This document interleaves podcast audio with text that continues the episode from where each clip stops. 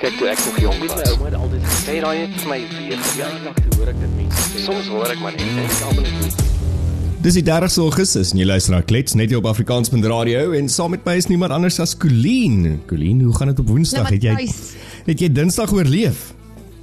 Ek het Dinsdag oorleef, dit was eintlik 'n baie lekker produktiewe dag. So jy sien, Ja. daai goeie gees wat ons gisteroggend uitgesit Dis- het, dis it paid dit. off my babe.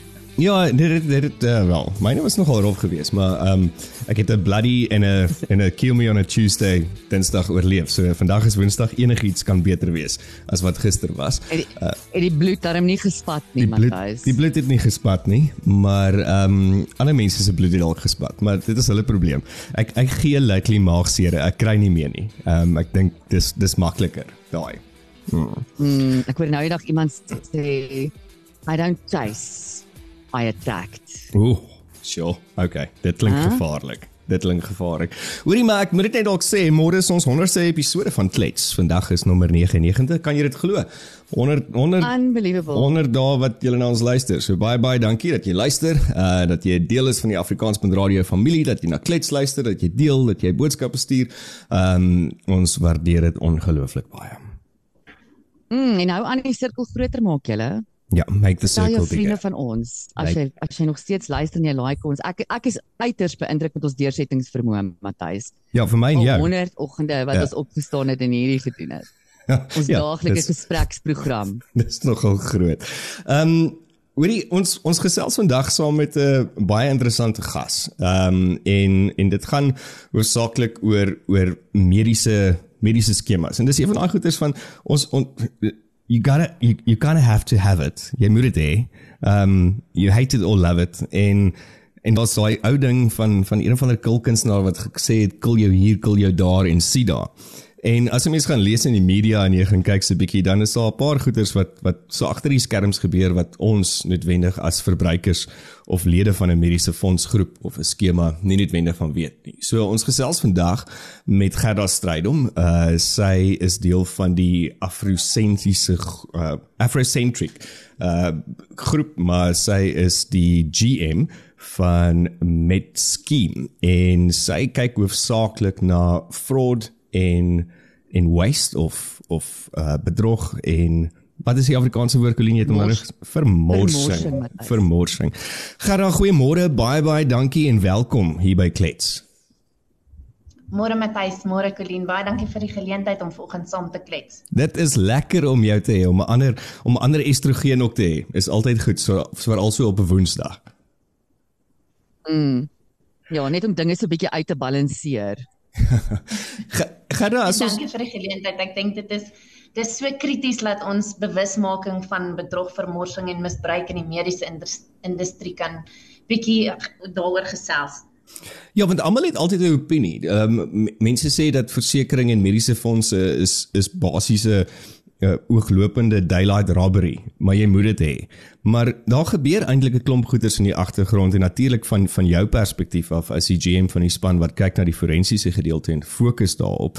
Ehm um, het jy 'n klomp pligte en jou spanne klomp pligte teenoor die mediese fondse begunstigdes en um, om seker te maak dat gesondheidsorg eise bekragtig word en geverifieer word en dat alles reg is. So as ons kyk na die mediese fonds skemas in Suid-Afrika en ons kyk na mediese fonds, hoeveel bedrog en waste gebeur daar actually vermorsing? Matthys, moeilike moeilike vraag om te antwoord en om te weet hoeveel is daar. Ek dink dit is tipies hierdie ehm um, geval wat jy dalk net die die toppunt van die berg sien en daar's dalk baie van hierdie iceberg wat onder die water is waar, Hmm. waarvan ons nooit regtig bewus is nie. Um MedScheme as as 'n filiaal van die Afrocentric groep bestuur 15 mediese skemas en in daai 15 mediese skemas dien ons 3.8 miljoen begunstigdes. Dit veroorsaak dat ons 12.5 miljoen eise prosesseer elke maand. Nou as jy kyk na die hoeveelheid eise wat ons prosesseer, die kans dat daar um onreëlmatige eise tussenin is is baie baie groot. Ons betaal meer as 40000 mediese praktisyns op 'n maandelikse basis en as gevolg van die volume um maak dit dit baie moeilik. Ons moet sisteme hê om om hierdie eise te na te sien en en te kyk voordat dit betaal word, maar ek dink 'n mediese fonds is 'n interessante unieke industrie waar ons moet die praktisyn vertrou. Um jy kan nie tipies soos 'n um 'n versekering vir 'n kar jy sal tipies iemand hê wat kom uitkom en kyk as jou kar gebreek, hmm. waar is die skade? 'n Mediese fonds is baie anders. Ons moet vertrou iemand is siek, ons moet vertrou die die praktisyn is is eerlik en eisreg en later as daar sekere um, inligting deurkom, miskien deur deur iemand wat 'n hotline instuur na ons whistleblower um lyne, dan begin mens van hierdie goed na kyk. Ek dink dit is 'n dis 'n unieke industrie um, en ek dink presies soos wat jy gesê het, dis 'n grudge purchase. Mense mense moet dit hê, um, mm. maar dit is moeilik om soveel geld te betaal en dan tipies aan die einde van die jaar as jy voel jy het nooit geëis nie, dan jy's eintlik baie gelukkig, jy's gesond en en jy's bevoordeel, maar dan voel jy jy het soveel geld hier aan spandeer en jy het nie um weet 'n return on investment gekry nie. Ja. Ja, ja jy's baie gelukkig as jy nie siek geword het nie, maar jy's veel heelwat armer verseker. Wel, Gerard, jy's 'n geoktroeëerde rekenmeester ook en jy's deel van 'n klomp ander bene en arme en en en goederes in hierdie spesifieke industrie. Maar kan jy dalk net vir ons vinnig verduidelik 'n mediese fonds? Ek is 'n lid van 'n mediese fonds. So dit beteken dat is is 'n fonds amper 'n bietjie soos 'n potluck klub of soos 'n soos 'n groep skema van al die lede besit eintlik die mediese fonds. 100% reg Matthys. Ehm um, so al die lede se geld gaan in een pool en die die lede basies besit daai pool saam. Hmm. Indien ek kanker kry, ehm um, gaan ek heel waarskynlik nie genoeg kan betaal in 'n jaar om my ehm um, prosedures en en konsultasies te kan betaal nie. Hmm. En aan die teenkant is daar 'n ander lid wat baie gesond is wat dalk glad nie dit nodig het nie, maar wat ook bydra tot hierdie pool en dit word dan gebruik om my te help indien ek kanker het. Mm. So so en dit is ook belangrik want ek sien baie keer met die mediese fonds by wie ek is, uh, hulle stuur hierdie hierdie uh, notifications uit van dan is daar een of ander um AGM vergadering en mense moet opdaag en ons sien al hierdie goeders en ons daag nooit op nie want ek dink meeste mense verstaan nie dat jy is actually 'n lid van daai mediese fonds en jy het ook 'n sê oor hoe goeders bestuur word. 100% korrek en en saam met daai reg kom ook die verantwoordelikheid en ek dink dit is waar baie van ons nie noodwendig ons kan bring om saam na die geld om te sien in hierdie pool nie. Ehm um, as ek byvoorbeeld nou dink aan aan die die eise wat deurkom maandeliks op op my staat. Ek het die verantwoordelikheid om te kyk na my staat te sien hmm. wat is geëis en indien daar iets is wat nie geëis of wat nie 'n 'n diens is wat gelewer is nie, is dit my verantwoordelikheid om dit regtig vir die mediese fonds um te sê. Ek hou daarvan om baie keer dit te vergelyk met enige ander inkopies en en dis waar die uniekheid van hierdie um industrie so belangrik is. As ek byvoorbeeld inkopies doen vir 'n rok, ek weet min of meer wat is 'n billike bedrag wat ek beskikbaar het. Ek um kan die verskillende rokke aanpas, ek kan die materiaal voel. Ek kyk na die na die manier hoe hierdie hierdie rok gewas moet word en tipies as 'n droogskoonmaker toe moet gaan, dan koop ek dit glad nie. En ek het 'n hmm. keuse en ek sien wat ek koop. Die mediese dienste is baie baie anders. As ek byvoorbeeld rugpyn het en ek wil eers na my huisdokter toe gaan. Baie moeilik vir my om te weet is my huisdokter goed met rugpyn? Um kan ek 10 verskillende al algemene praktisyns vergelyk? Weet ek hoeveel elkeen vra? weet ek wat my mediese fonds gaan betaal vir vir 'n algemene praktisyn en dit is tipies wat mense nie doen in die mediese industrie nie. Ons gaan na die eerste dokter wat iemand vir jou aanbeveel het. Jy hoop dat hulle um jou gaan kan help en ons ons knyp ons oë toe en hoop die mediese fonds gaan betaal. En as hulle nie betaal nie, is ons baie ongelukkig daaroor. Maar ek dink dieselfde soos enige ander kommersiële transaksie, het die lid ook 'n verantwoordelikheid om te weet wat se netwerk het jou mediese fonds in plek? Vra jou dokter vra oor die voordele. Vra die dokter wat is nodig? Wat is die beste behandeling? Um ons ons het baie regte as lede van mediese fondse, maar ons het ook baie verantwoordelikhede en hmm. mense dink ek moet dit moet dit besef en seker maak en en jy weet hulle rekeninge nagaan as jy byvoorbeeld na hierdie dokter toe gegaan het vir rugpyn Was daar sonar gedoen of nie? Was daar ekstrale ge, geneem of nie? Indien dit op jou staat wys en jy het dit nie gekry nie, hmm. is dit jou verantwoordelikheid om jou mediese fonds te laat weet. Mm. So so waar die waardeketting in hierdie hele waardeketting jy praat nou gerda van onreëlmatighede wat gebeur. Ek meen ek as 'n lid van 'n mediese fonds dis net net hoe ek logies daaraan dink, maar dis dis dalk 'n simpel manier om daaraan te dink. Dit is baie moeilik vir my om bedrog te pleeg teen my mediese fonds want ek het die hele tyd die ehm um, goedkeuring of 'n verwysingsbrief of whatever nodig van 'n 'n mediese professionele persoon wat met julle geregistreer is. So dan neem ek aan dat dat die bulk van hierdie onregmatighede gebeur onder professionele medisy. Hoe hoe en op my mediese fonds byvoorbeeld het ek nou 'n lys dokters in my area wat ek nou uh, sekere voordele by kry, meer voordele as byvoorbeeld by ander ander dokters wat onderskryf nie onderskryf word deur my mediese fonds nie. Hoe wet mediese fondse hierdie ehm um, mediese uh, uh, um, personeel om te besluit, ehm um, gaan ons hulle op die lys sit of gaan ons hulle nie op die lys sit nie? Interessante vraag Colleen en ek dink voordat ek ehm um, spesifiek dit antwoord, miskien is dit net van waarde om bietjie te verduidelik wat wat is fraud, waste and abuse soos wat hmm, ons tipies ja. daarna verwys in die mediese industrie. So bedrog is as daar 'n intensie is om iemand te mislei om finansiële voordeel te kry ten koste van iemand anders. Dit sal bedrog wees in die mediese industrie.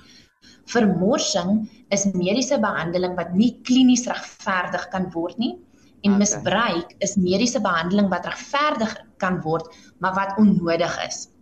Okay. So dis baie moeilik um, in die mediese industrie of of in enige industrie om intensie te bewys.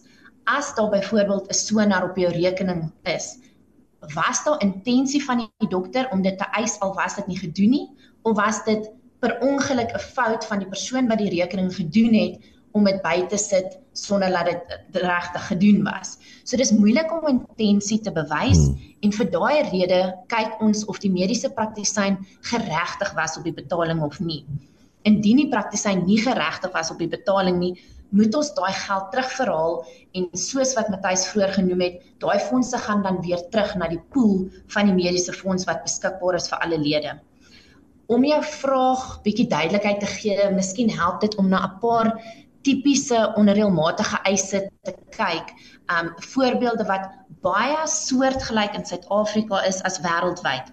Um ons ons werk baie nou met internasionale um mediese fondse en dit is baie interessant dat hierdie selfde goed gesien word reg oor die wêreld. So net ses voorbeelde om om vir jou 'n idee te gee. Um die eerste een is eise vir dienste wat nie gelewer word nie. So jy sal byvoorbeeld 'n psigiater hê wat 50 ure eis in een dag. Ons almal weet is onmoontlik, daar is net 24 ja. ure in 'n dag en hopelik moet jy ergens nog tussenin slaap ook. So dit sal tipies wees wanneer jou psigiater eis vir 'n 2 ure konsultasie, maar jy was net 30 minute daar. Ja. Daai beskrywing is op jou staat om te sê die psigiater het soveel um geëis per uur en jy was 2 ure daar. As lid moet jy dan dit opneem met die mediese fonds of met die psigiater om te sê jy kan my nie um jy kan nie eis insit vir 2 ure terwyl ek net um soveel korter daar was nie. Jy sal tipies in so 'n geval wanneer ons sien so 'n psigiater het sê nou maar 50 ure wat baie keer gebeur is teen die einde van die jaar sien lede dat hulle nie hulle voordele gebruik het hierdie jaar nie, hulle was baie gesond, hulle wil daar 'n bietjie terug um jy weet 'n return on investment hê. Um so dan praat hulle met die psigiater en sê, weet jy wat, ek het nog voordele. Um kom ons sit 'n eis deur. Jy vat 'n R1000, ek vat 'n R1000. So sure. beide beide partye um trek die voordeel. Daar is geen diens nie en die mediese fonds het geen manier om te kan weet vooraf dat dit nie 'n 'n diens is wat gelewer is nie. Ons gaan moet vertrou dat die diens daar is, maar die verantwoordelikheid is op die lid ook om dan te sien. Maar daar is baie gevalle waar die lid en die praktisyn saam um sit en en regtig vals eise instuur tot die voordeel van beide. Hm. 'n Tweede voorbeeld um is wanneer jy iemand toelaat om op jou medies te eis terwyl hulle nie begunstigde is nie. So byvoorbeeld jy het vier seuns en jy sit net een van jou seuns op jou mediese fonds, maar elke keer as iemand siek is, dis dis Johnny wat siek is. Jy weet, ongeag wie die kind reg is, elke keer is Johnny siek. Ehm um, so dit is dis 'n tweede voorbeeld en die dokter daar word dalk dan nie ingelig nie. Dit is bedrog van die lid af. So dit gaan van beide kante en en selfs die die um dokter het ook dan 'n verantwoordelikheid om te sê maar weet Johnny se gesig verander elke keer. Laas keer in my in my notas was Johnny 9 jaar oud. Nou sien jy Johnny wat 16 is en is dieselfde persoon. So die dokter het ook daai verantwoordelikheid hmm. om die mediese fonds te laat weet dat daar 'n intensie is om 'n um, verkeerde eis in te stuur. Dan baie keer sien ons 'n um, wanvoorstelling van praktisyns wat dit 'n um, 'n diens lewer wat nie gedek is nie en eis as 'n gedekte item. So om dit prakties um, te verduidelik, ons het onlangs 'n voeteelkundige gehad, 'n podiatrist, hmm. um, wat skoene verkoop. Dis duursame skoene wat nie dis nie iets wat jou mediese fonds tipies betaal nie, maar wat ja. hulle dan doen is hulle eis skoensole wat iets is wat 'n mediese gedekte um diens is wat hulle kan eis en hulle verkoop skoene maar eis dit as iets anders. Stilettos, maar jy jy charge vir sole, maar jy kry 'n paar stilettos. Absoluut, en een in elke kleur. iets wat ons ook baie sien is onnodige opname in 'n hospitaal om toegang tot voordele te kry. So jy sal weet baie Suid-Afrikaners het tipiese hospitaalplan Um dit is 'n goedkoper tipe plan, um maar jy het toegang tot sekere voordele wanneer jy opgeneem is in die hospitaal. So ja. as jy sê 'n man 'n ongeluk was, dan kan jy ekstrale kry um en dit word dan gedek. Indien jy dan nie eintlik nodig het om opgeneem te word nie, kan jy nie die ekstrale kry nie. So wat dan sal gebeur is die dokter en die lid sal saamwerk en sê kom ons neem jou eerder op want sodra jy opgeneem is, kan jy toegang tot hierdie voordele kry, maar daar was nooit noodsaaklikheid vir daai lid om opgeneem te word nie. So ek dink dit gee vir jou 'n idee van 'n paar tipiese um scenario's. Baie van dit is die lid en die dokter um in cahoots soos soos wat ons sal tipies sê. Um en dis moeilik om dit op te tel. Tipies as 'n eis deurkom na 'n mediese fonds, is daar sekere goed waarna 'n eis moet voldoen om betaal te word. Daar moet, jy weet, die dokter se naam moet daar wees, die nommer, die ICD-10 kode om te sê wat se diens is gelewer en as daai daai um eis deurkom, soos wat ek genoem het vroeër, daar's miljoene eise wat per dag um geprosesseer word en ons moet vertrou dit is korrek. Um en die lid en en die praktisyn vertrou in daai geval en later aan sal seker van sulke tipe goed uitkom waar daar intensie is. Hoe ja. hoe tel julle hoe tel julle probleem ehm um, sake op? Het julle so 'n stelsel wat uh soos red flag waar wat patrone kan raak sien en sien o, maar hierdie dokter jy weet hy's uh konstant vir hierdie ding by by by verskillende pasiënte ehm um, of uh, jy weet doen hulle maar net 'n random sample selection en en audit dit. Hoe hoe werk daai deel? Baie goeie vraag Colleen en en ek dink dit is waar ons um, ons gebruik artificial intelligence. Ehm um, so ons het sisteme wat ehm um, basies groot data prosesseer en sal sien sê nou maar byvoorbeeld hierdie dokter volgens ons data is gebaseer in Limpopo maar op dieselfde dag dien sy lede in Kaapstad, Noord-Kaap, ja. Mpumalanga, KwaZulu-Natal. Dit is onmoontlik. Ehm um, of jy sal tipies sien van al die eise, ehm um, een dokter sien net ou mense. Ehm um, dit maak nie sin nie um, daar's dalk 'n 'n kode wat jy meer betaal vir iemand wat ouer is of oorgewig is omdat dit sekere um komplekse prosedures is. So uit big data sien ons baie red flags as ek dit so kan stel en van daar af begin ons 'n ondersoek. Ons ondersoeke is nie standaard en en random op enige iemand nie. Dit is regtig as daar soos wat ons sal sê predication for fraud, daar is 'n rede of 'n red flag wat ons sal sê hier's hier's 'n rede hoekom ons moet gaan hmm. kyk. Um boonbehalwe die artificial intelligence en sisteme en data, werk ons baie nou saam as 'n industrie. Ek dink bedrog is een area waar ons nie regtig met mekaar kompeteer tussen mediese fondse nie. As daar iemand is wat bedrog pleeg, moet ons in Metskiem um daarna kyk. Ek moet daai inligting deel met ander administrateurs met ander skemas want wat tipies gebeur is as ek iemand uitvang en ons stop die ons ons maak of die die kraantjie van die geld toe as ek dit so kan stel, dan hardloop hulle na 'n volgende mediese fonds en en pleeg bedrog op 'n ander plek. En dit het geen positiewe impak op die op die mediese fonds industrie nie. So ons werk baie nou saam as 'n industrie en ons deel inligting waar ons kan. Um en dan het elke mediese fonds het ook 'n whistleblower hotline.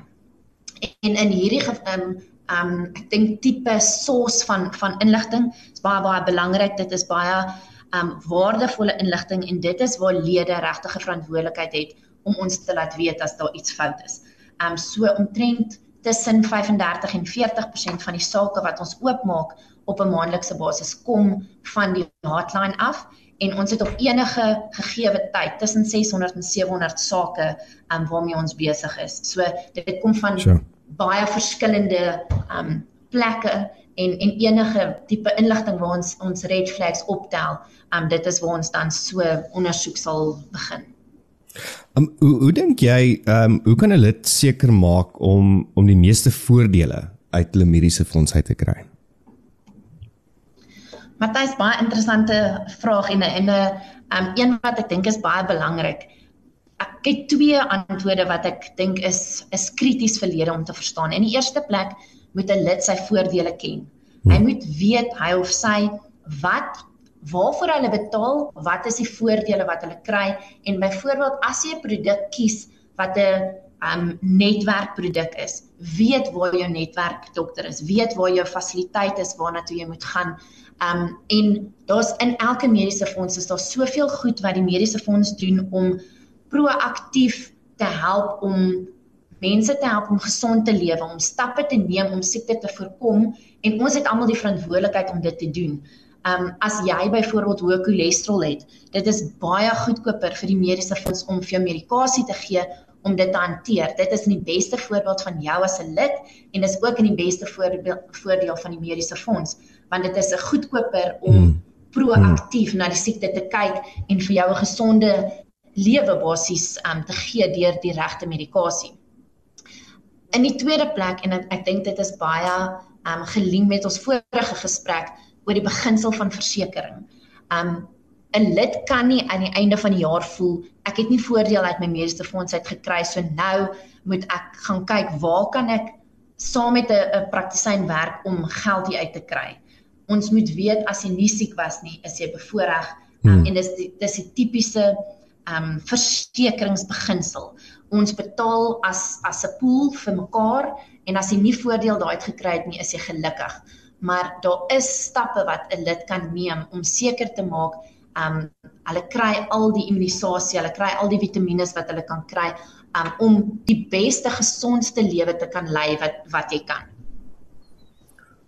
Ja, ek dink dit is dis dis belangrik om om hierdie ding en en en soos ons nou gepraat het van die grudge purchase, mense sien altyd dat hulle koop dit en hulle kry niks daar uit nie. Maar ehm um, ek dink dit is belangrik om die beginsel van 'n mediese skema en ons te bestaan dat jy jy koop in in hierdie groter plan in en die dag wanneer jy dit nodig het en as jy dit nodig het is daai fondse beskikbaar. Dis so en ek het terug toe toe was ek in vir 'n operasie gewees en toe ons klaar toe vra ek vir die dokter ehm um, gaan ek die viool kan speel na die operasie. Toe sê die dokter vir my natuurlik. Dis ek fantasties want ek kon dit nog nooit speel nie.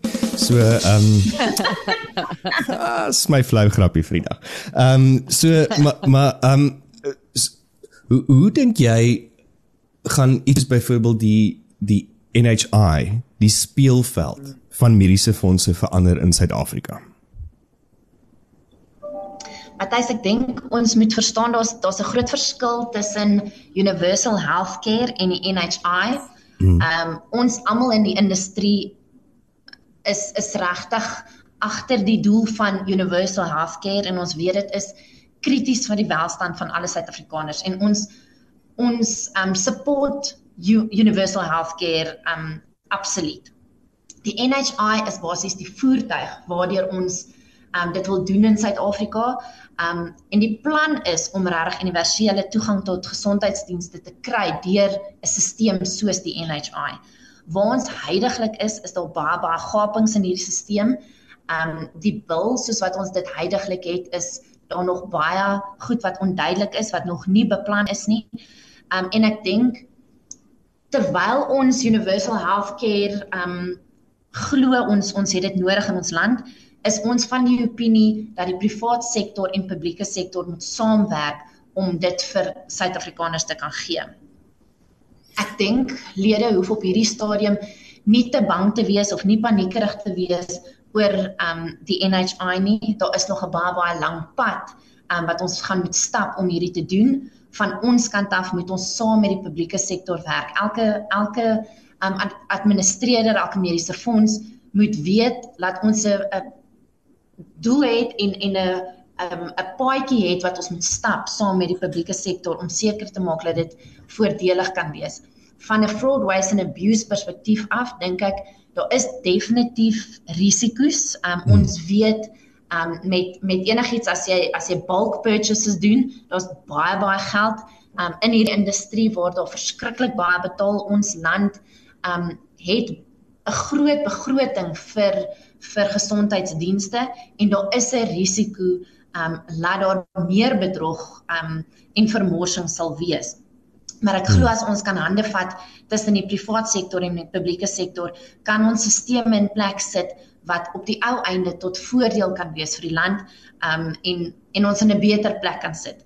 Hoe hierdie speelveld gaan verander um is iets wat ons gaan moet sien en ek ja. dink dit gaan in die volgende 20 jaar vir, vir ons uitspeel. Um op hierdie stadium dink ek lede en praktisyns moenie paniekerig wees nie. Dit is tot 'n 'n groter doel en en ons almal het 'n verantwoordelikheid om om deel te wees van hierdie proses.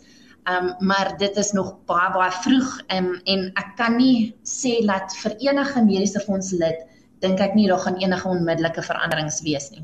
Okay. Wel, ek dink dis goeie nuus want ek dink dis wat meeste mense oor wonder en oor worry, um is dat dat dat alles gaan verander en daar's al hierdie klomp goeders in die media en mense wat sê maar al ons goeie dokters gaan gaan oorsee gaan ons gaan nie meer met goeie dokters sit nie. Uh so so wat ek kan hoor van jou af is dis 'n lang proses nog en en jy hoef nie nou op die stadium as as 'n luisteraar bekommerd te wees oor oor dit nie. 100% ek, en ek dink terwyl ons nie bekommerd moet wees nie, moet ons aktief wees in hierdie proses waar die bil nou deur sekere prosesse gaan waar dit gaan vir publieke um terugvoer ons moet aktief wees om um insigte te deel um om ons ervaring as administreerders ons data um kennis en ervaring wat ons opgebou het moet ons kan deel en moet ons kan sê hierdie sal werk hierdie sal nie hoekom nie en en ons het 'n ons het regtig 'n verantwoordelikheid as as hmm. publiek ook om dit te dryf tot die voordeel van ons almal Ek het terug in die media dalk 'n laaste vraag van my af. Ons het ongelukkig vir Colleen verloor. Ehm um, sy het nou net laat weet haar syne is 'n bietjie sleg. Ehm um, 'n laaste vraag van my af voordat ons voordat ons tot sien sê Gerda is daar was onlangs in die media wat hulle sê dat ehm um, mediese fondse beoog om met 'n 5% uh, verhoging van hulle premies voort te gaan en dit word op die stadium steeds ondersoek uh deur die die die groter skema uh, groepe en en en body ook die regerende body. Uh hoekom hoekom raak mediese fondse so duur? Per per jaar, jaar op jaar. Is is dit maar net algemene kostes of hoe hoe hoekom? So daar daar's 'n paar goed wat inspel um op die verhogings van mediese fondse. In eerste plek is dit tariewe van van praktisyns. Um hmm. dinge word duurder as as jy byvoorbeeld 'n heupvervanging moet kry. Al daai toerusting en goed dit word duurder. Die hmm. mediese praktisyn obviously moet ook meer verdien en dan is daar wat hulle dit noem utilization increase. So ja. ons populasie word sieker en sieker. Mense het meer kroniese siektes. Mense is ongelukkig ehm um, jy weet die die die siektes soos of of kroniese situasies soos ehm um, cholesterol, diabetes, daai tipe kroniese siektes word al hoe meer en meer en meer. En hmm. ons lewe ehm um, ongesonde lewenstyl te veel mense is oorgewig. Um te veel mense kyk nie aan hulle gesondheid nie. Ek dink die manier hoe mense lewe, ons werk te lank ure, sit te hmm. lank, doen te min oefening en ongelukkig veroorsaak dit dat groter en groter deel van die populasie sieker en sieker word. Um al daai goed het 'n impak. Ek meen kanker um is sien ons meer en meer en meer ja. deurkom. Die metodes om dit te behandel, die navorsing is so vinnig en daar's soveel goed wat beskikbaar is vir mense om te probeer help. Ongelukkig kos dit alles geld.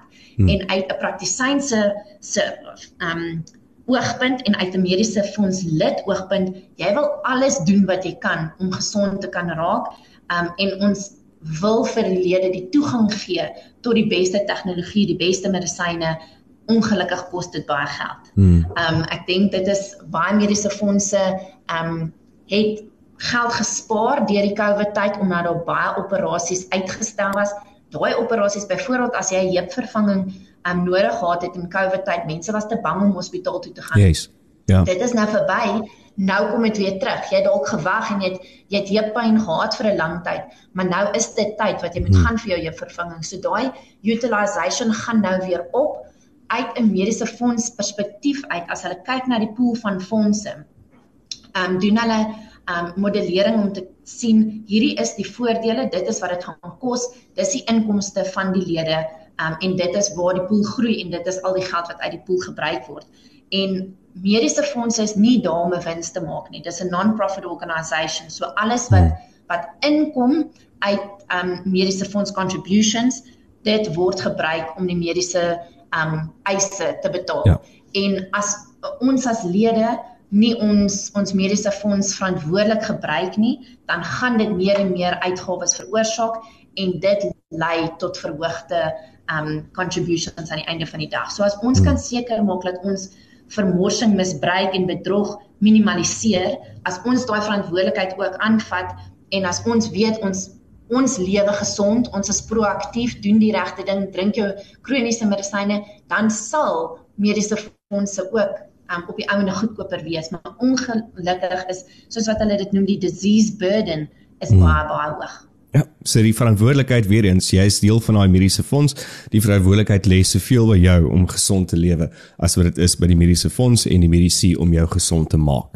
Gerda, ongelooflik baie dankie vir jou tyd, jou insigte, dit wat jy met ons gedeel het. Dit was heerlik om met jou te te gesels hieroor en net vir ons 'n bietjie lig te werp daaroor. En ek dink dit wat ek geleer het vandag is dat moenie net daai staat wat deurkom van die mediese fonds net aanvaar dat dit is wat dit is nie. Maak oop, gaan kyk en en raak betrokke by dit want dit is jou geld en die persoon langs jou se geld ook wat moontlik nie op die regte manier bestuur word nie. Baie dankie vir die geleentheid Matthys, waardeer. Dit was aan klets vir die 30 Augustus net hier op Afrikaans.radio. Dankie dat jy geluister het. Deel, share, doen whatever jy moet doen en môre is ons terug vir ons 100ste episode. Jy moet 'n lekker dag hê. Cheers. Kyk toe ek nog jong was, gesê daai het my weer jaar lank hoor ek dit mense sê. Soms hoor ek maar net en ek almal net